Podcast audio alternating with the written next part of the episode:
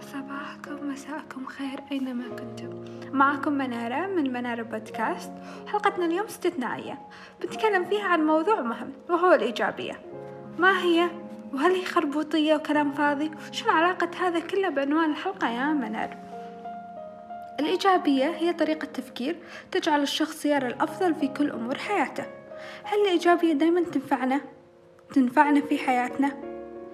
أه، بما أن في منارة بودكاست أتكلم من تجاربي الشخصية بالنسبة لي أنا فراح أقول لكم لا مو دايما الإيجابية مو دايما نكون إيجابيين أحيانا أشوف أن الأهم من الإيجابية القبول والتسليم وأهم منها وايد إنزين شنو يعني القبول والتسليم؟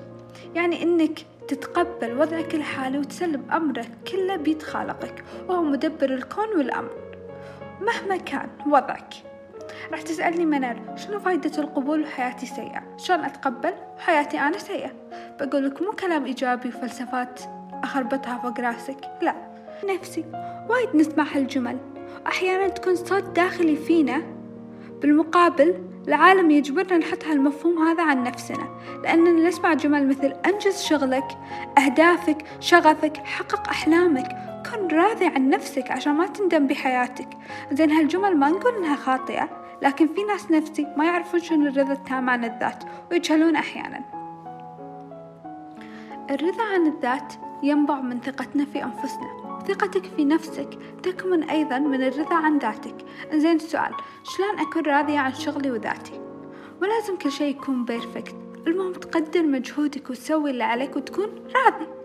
بس أيضا مشكلتنا ومشكلة الناس اللي نفسي إنهم ما يعرفون شنو اللي عليهم. فيضيعون.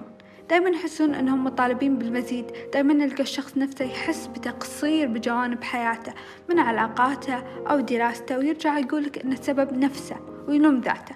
ولوم الذات مشكلة كبيرة. لا تعتقد إنك لما تلوم ذاتك راح تقرب من النجاح. بالعكس لوم الذات يبعدك عن هذا الطريق.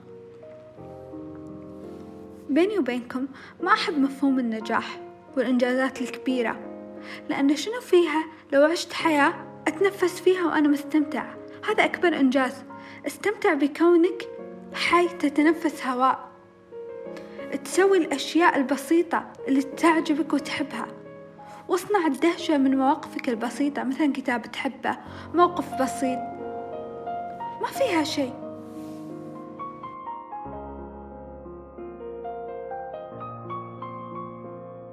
حاول تحب نفسك. أدري مصطلح حب الذات صار مكرر بكل شيء بحياتنا. لدرجة صار بعض الأحيان يستفزنا. لكن من أهم الأشياء هو حبك لذاتك وقبولك لاختلافاتك. أولا راقب أفكارك ومشاعرك وتقبلها أو نحاول نغير السلبي للإيجابي أو نواجه الفكرة السلبية. ثانيا الامتنان ثم الامتنان. لأن له فوائد عظيمة والامتنان بيخليك تتقبل حياتك بسهولة. والامتنان هو أننا نحمد الله نشكره على على كل تفاصيل في حياتنا ولو تفاصيل صغيرة في يومنا.